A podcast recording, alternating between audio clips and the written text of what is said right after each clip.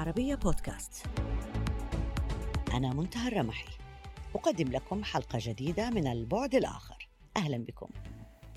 في جميع أنحاء أوكرانيا قضى عشرات الآلاف من الرجال والنساء الشتاء في التدريب بهدف استعادة أراض غزتها روسيا منذ الرابع والعشرين من فبراير عام 2022 أو حتى منذ عام 2014 عندما ضمت شبه جزيرة القرم في الأثناء تفرض كييف السرية على حجم الضحايا الذي تكبدته قواتها لكن التسريبات تقدر العدد بحوالي مئة ألف بنسبة أقلية من القتلى وأغلبية من الجرحى لكنهم غير قادرين على حمل السلاح مرة أخرى. ويقول المحلل العسكري أوليكسي ميلانيك من مؤسسة رازموكوف إن نجاح في أي هجوم يتطلب ثلاثة مهاجمين مقابل كل جندي مدافع. وهذا يعني أنه يتعين على أوكرانيا إعداد مليون جندي على الأقل. حتى الآن تعد وزارة الداخلية تسعة ألوية. انضم إليها حتى الآن أربعون ألف متطوع أعمارهم أقل من 35 عاماً. أما الجيش النظامي فقد شكل عشرين لواء جديدا ضمن جيش ثان من خمسين ألف رجل. ستكون مهمتهم السيطرة على خط المواجهة الذي يبلغ أكثر من ألف كيلومتر إعدادا للهجوم المضاد. وصرح ميخائيلو بودولياك مستشار الرئيس الأوكراني فلاديمير زيلينسكي منذ الأسبوع الأخير من مايو بأن الهجوم المضاد بدا أصلا قبل موعد تصريحه بأيام مضيفا بأن هذه حرب عنيفة على طول حدود ممتدة ل 1500 كيلومتر. ومنذ شهور يتزايد استهداف الأجهزة اللوجستية الروسية في معظم المناطق الخلفية من الجبهة مستودعات الوقود والذخيرة وتقاطع السكك الحديدية والبنية التحتية للاتصالات ومراكز القيادة أو حتى معسكرات الجنود بقذائف أو صواريخ أو طائرات بدون طيار الأوكرانية في الأراضي المحتلة ولكن أيضا على الأراضي الروسية. ويعتبر المحللون العسكريون أن ما تقوم به القوات الأوكرانية يسمى التشكيل أو النمذجة وهو شرط أساسي لأي هجوم كبير والهدف منه هو إضعاف العدو بحمله مدفعيه لتدمير أجهزة الدعم الخاصة به أو إجباره على نقلها بعيدا عن الجبهة. لتنفيذ ذلك يعتمد الأوكرانيون على تسليح غربي لوحظت استخداماته الأولى في لوهانسك وأيضا لاستهداف قاعدة جوية قرب ماريوبل. في سبتمبر من عام 2022 شن الأوكرانيون هجومهم المضاد في منطقة خاركيف دون حملة مدفعية مثل ما يلاحظ الآن وراهنوا على السرعة والرعب.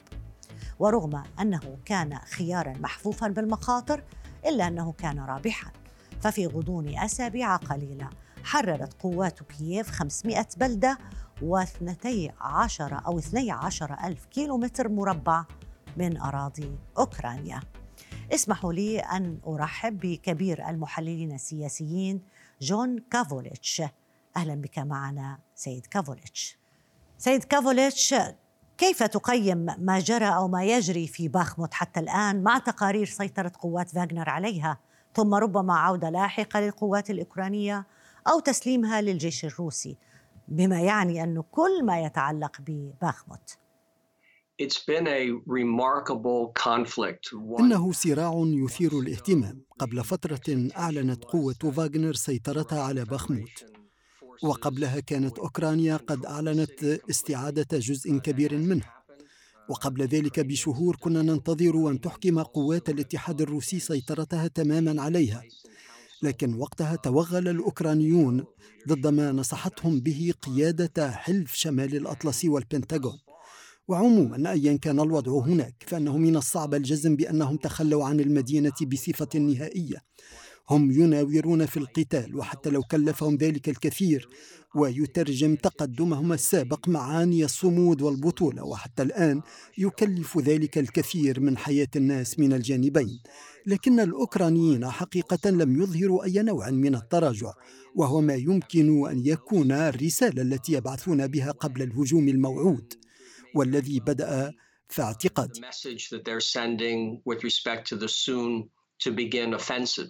إذا قارنا معركة باخموت بتلك التي وقعت في خاركيف وخرسون العام الماضي بماذا تختلفان عن بعضهما البعض؟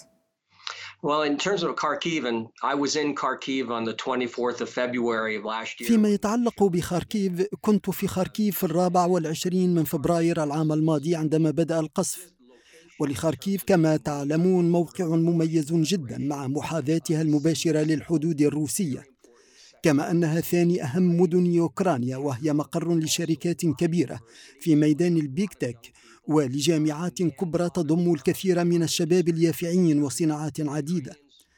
لقد كان الأوكرانيون نشيطين جدا جدا في الذود عنها. ومع أنها وقتها لم يلجأ الأوكرانيون إلى الكثير من القتال والبعض قال إنهم كانوا يناورون فيما قال آخرون إنهم تراجعوا فأنني أعتقد أن تعامل القوات الروسية معها على مستوى استراتيجي كان على أساس أنها لم تكن ضرورية في تلك الفترة مثل ما هي عليه الآن. فيما يتعلق بخيرسون لقد كانت على مستوى مختلف تماما من حيث القيمة الاستراتيجية. فهي تقع في قلب ما أصبح العالم يعرفه تحت اسم جسر الأسد. الذي يربط القرم بمناطق أخرى مثل زابوريجيا ولوهانسك ودونيتسك ومنطقة الدونباس التي لروسيا حاجة ماسة للاحتفاظ بها بما يضع أيديهم على كل بحر أزوف. وأيضا السيطرة على منطقة شاسعة من الصناعات والزراعات. لذلك فمن المحتمل بل ويمكننا أن نتوقع جميعا بأن خيرسون ستكون هدفا للقوات الأوكرانية.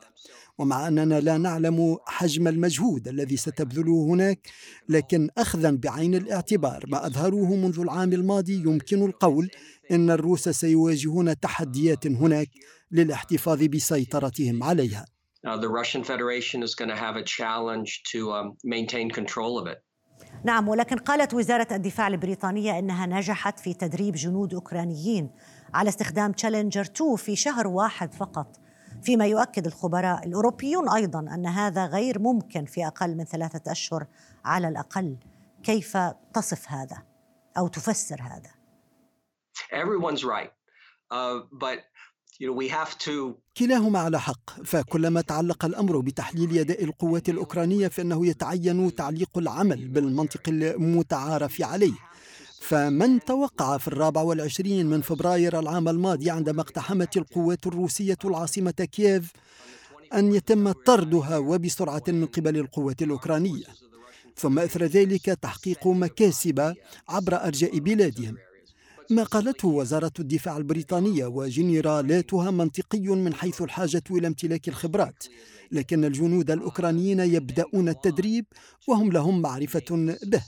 بنوع السلاح وكيفية استخدامه يعرفون كيف يستخدمون دبابة أو صاروخا وذلك ما يجعل من مدة التعلم أقصر. أيضا هناك الطاقة التي يمنحها دافع الرغبة في التعلم ولذلك كان تلقي المعلومات أسهل.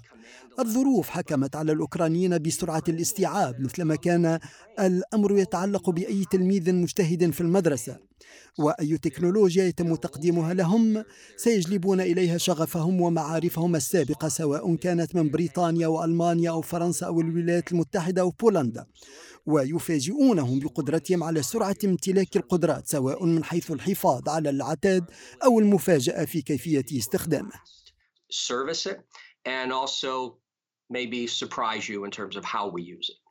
لو تحدثنا عن الهجوم المضاد ما هو السيناريو الأكثر تفضيلا؟ جندي ضد جندي دبابة مقابل دبابة؟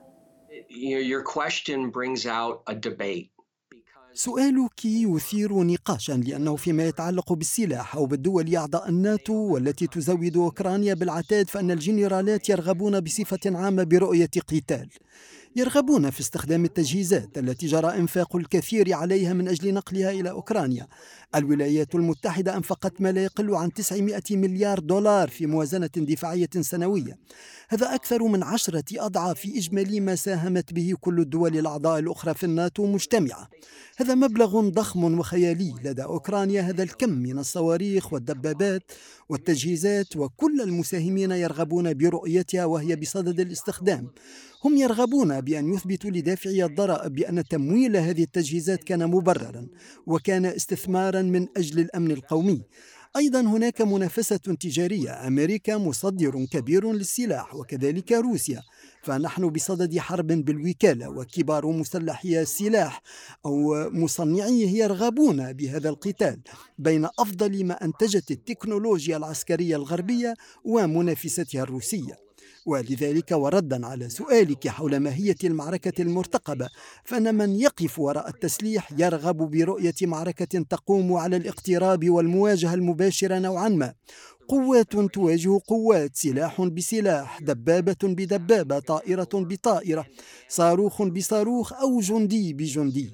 لأننا الآن لدينا مسيرات وغيرها من التحديثات ما يوفر فرصة لعرض هذه الإنجازات.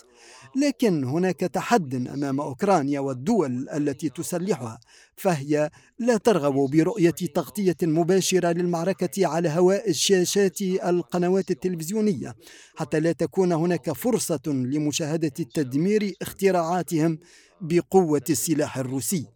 البعض يقول بأن الهجوم البري التقليدي يتطلب ثلاثة أضعاف عدد الجنود في الجيش الأوكراني الحالي هناك. والخبراء يقولون أن مثل هذا الهجوم سيتطلب مشاركة مليون جندي على الأقل في حين أن العدد المتاح كما أشرنا لمثل هذا الهجوم لا يتجاوز ستين ألف هل أوكرانيا لديها عدد كافي من الرجال لشن مثل هذا الهجوم؟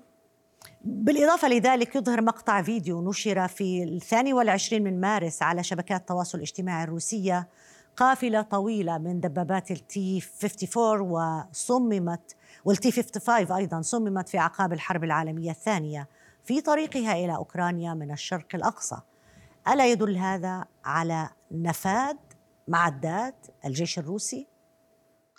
They're strained. Um, they're strained one because إنهم متوترون أولا لأن كل الدول التي لها علاقة بهذا الصراع الروسي الأوكراني لها اهتمام عميق بنوع السلاح الذي يملكه الطرف الآخر من النزاع ألمانيا هي مثال جيد فلديها كم كبير من دبابات ليوبارد وعمرها عشرون ثلاثون وأربعون عاما. وقد أظهرت الصور وهم أظهروها وهي في مستودعاتها. لقد فككت كلها. وتقول ألمانيا لدينا المئات من هذه التجهيزات لكن المشكلة أن جزءا منها لا يعمل. بالنسبة إلى روسيا فإن الأمر هو عكس ذلك. روسيا تحتفظ بكل شيء وحتى أوكرانيا. لذلك يمكن القول أننا رأينا نفس الجيل من الدبابات أو جل التجهيزات لدى الطرفين. الآن سيبدأ الروس بإدخال تجهيزاتهم الجديدة إلى الميدان سواء الطائرات المقاتلة أو الدبابات أو أنظمة السلاح الحديثة. أما الأوكرانيون فسيقومون بالشيء نفسه. لكن ما يختلف هذا العام هو أن الأمر سيتعلق بزبدة الزبدة من أحدث العتاد. يشير الخبراء إلى أن هناك استحالة باتخاذ إجراء حاسم مع القوات البرية. يمكن تعويضها بهجوم مركز وقوي للغاية على منطقة معينة وهي زبروجيا إلى أي مدى توافق على ذلك؟ ولن يكون لذلك خطر؟ أو يكون ذلك أكثر خطورة خاصة أنه كما تعلم هناك منشآت نووية في هذه المنطقة وهي من أكبر وأخطر المنشآت في العالم هذا معروف.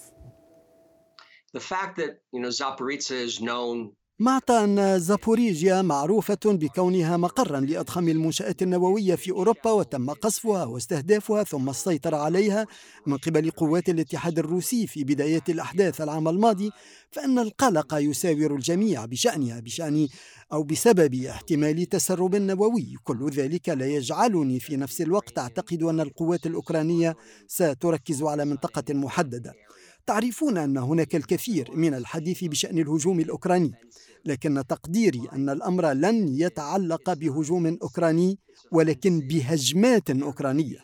سيهاجمون عدة مناطق سواء بكيفية متزامنة أو الواحدة والأخرى زابوريجيا مهمة نعم وسيكونون سعداء باستعادتها مع منشآتها النووية خاصة. لكن ذلك سيحتوي على مخاطرة بأن يتسبب بحادث نووي لن يخطط له لا الروس ولا الأوكرانيون. ولكن عندما تطلق الصواريخ عليك أن تستعد لاحتمال أن يصيب أحدها منشأة لم تخطط لإصابتها حتى لو كان لديك أكثر أنظمة الاستهداف دقة. فالحوادث ممكنة والأخطاء ترتكب والتكنولوجيا تتعطل. لذلك أعتقد أن الأوكرانيين والروس سيكونون حذرين فيما يتعلق بزابوريجيا. فعندما جد حادث تشيرنوبيل كان هناك عامل وحيد لم يستطع أي أحد التحكم به بما فيهم الولايات المتحدة وهو الرياح. فحتى في غياب القصد فإن آثار الحادث بلغت الكثير من الاتجاهات التي لم تكن في الحسبان بسبب عدم القدرة على التحكم في سرعة الرياح واتجاهاتها. وهذا قد يحدث مع مولدات الطاقة النووية في زابوريجيا. يمكن أن يتضرر أحد المفاعلات ومنه تتسرب الإشعاعات وقد نشهد انفجارات نووية. ولا يمكنك أن تعرفي وجهة الريح التي يمكن أن تكون الأراضي الروسية نفسها. لذلك سيكون هناك الكثير من الحذر بشأنها. هل يؤدي استعادة أوكرانيا السيطرة على غالبية أراضيها أو تسليمها بهزيمتها النهائية في باخموت هل سيؤدي إلى مفاوضات؟ وهل يمكن القول أيضا أن بدء المفاوضات مرهون باستنفاذ مخزون أي من طرفي الصراع؟ هل ستكون هناك مفاوضات في كل الأحوال؟ I do. Uh, and I've نعم أنا على ثقة من ذلك وإيماني لم يتغير بأن المفاوضات ستنطلق أو سنبدأ بتحسسها في غضون نهاية هذا العام. والأسباب وراء ذلك كثيرة من ضمنها الهجوم الأوكراني. هذا الذي بدأ وأيضا الانتخابات الأمريكية وأيضا في عدد آخر من الدول التي لها علاقة بالحرب.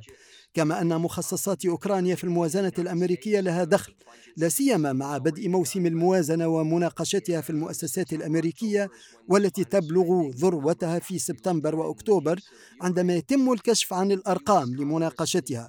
وفي حالة أوكرانيا خصص الكونغرس عام 2022 ما لا يقل عن 113.1 مليار دولار. أما إدارة بايدن والبنتاغون فقد خصص أقل من عشرة هذا العام.